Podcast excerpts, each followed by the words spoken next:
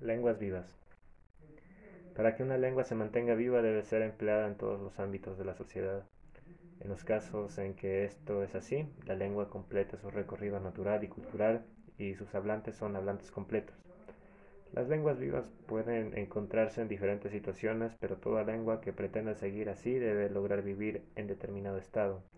En el estado A a B en un estado en el que sus hablantes tengan la oportunidad de realizar el recorrido natural y cultural de la lengua y llegar a ser hablantes completos. El estado A implica la transmisión que solo se produce de una forma natural, en la familia, en el quechua, en el maya, en el guaraní, en el aymara y en todas las lenguas del planeta. El estado B es la transmisión que se da únicamente en un plano cultural, por ejemplo en el latín, el sánscrito, y otras lenguas que tengan este medio cultural de transmisión. El estado AB implica que las lenguas se transmiten completando todo su recorrido de una forma natural y cultural.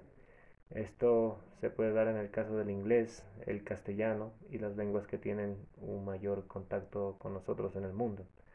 El estado BA, las lenguas completan todo su recorrido desde, pero el punto de partida, en lugar de ser un punto natural, es el punto cultural como el hebreo hace algunos años, cuando empezaron a recuperarlo.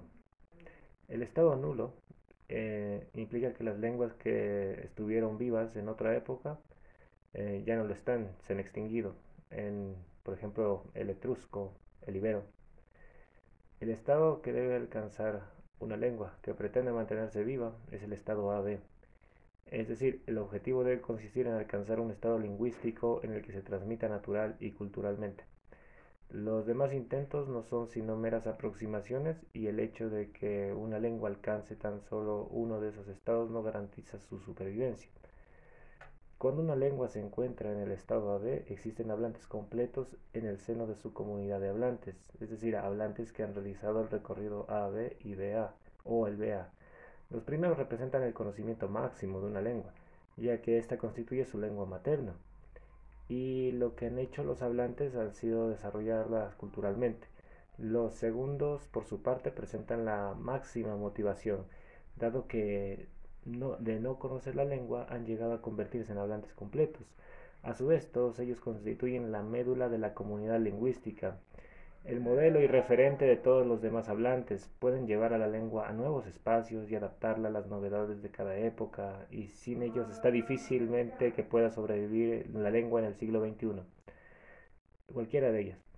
Todo, todo ello no significa que el resto de los hablantes no revista ninguna importancia, al contrario, evidentemente también aquellos que no son hablantes completos de una lengua forman parte de su comunidad lingüística. Por una parte están los hablantes naturales, entre los que se encuentran personas que nunca han estudiado su lengua materna culturalmente. Estas personas han adquirido la riqueza que se ha ido transmitiendo oralmente de generación en generación y en su recorrido cultural una lengua debería tomar en consideración y apropiarse de la riqueza de estos hablantes. Por otra parte están los hablantes que han aprendido una lengua culturalmente. Si se fomenta su motivación y uso de la lengua, puede llegar a convertirse en un hablante vea Además de las mencionadas, existe otra clase de hablantes, que son los hablantes cero.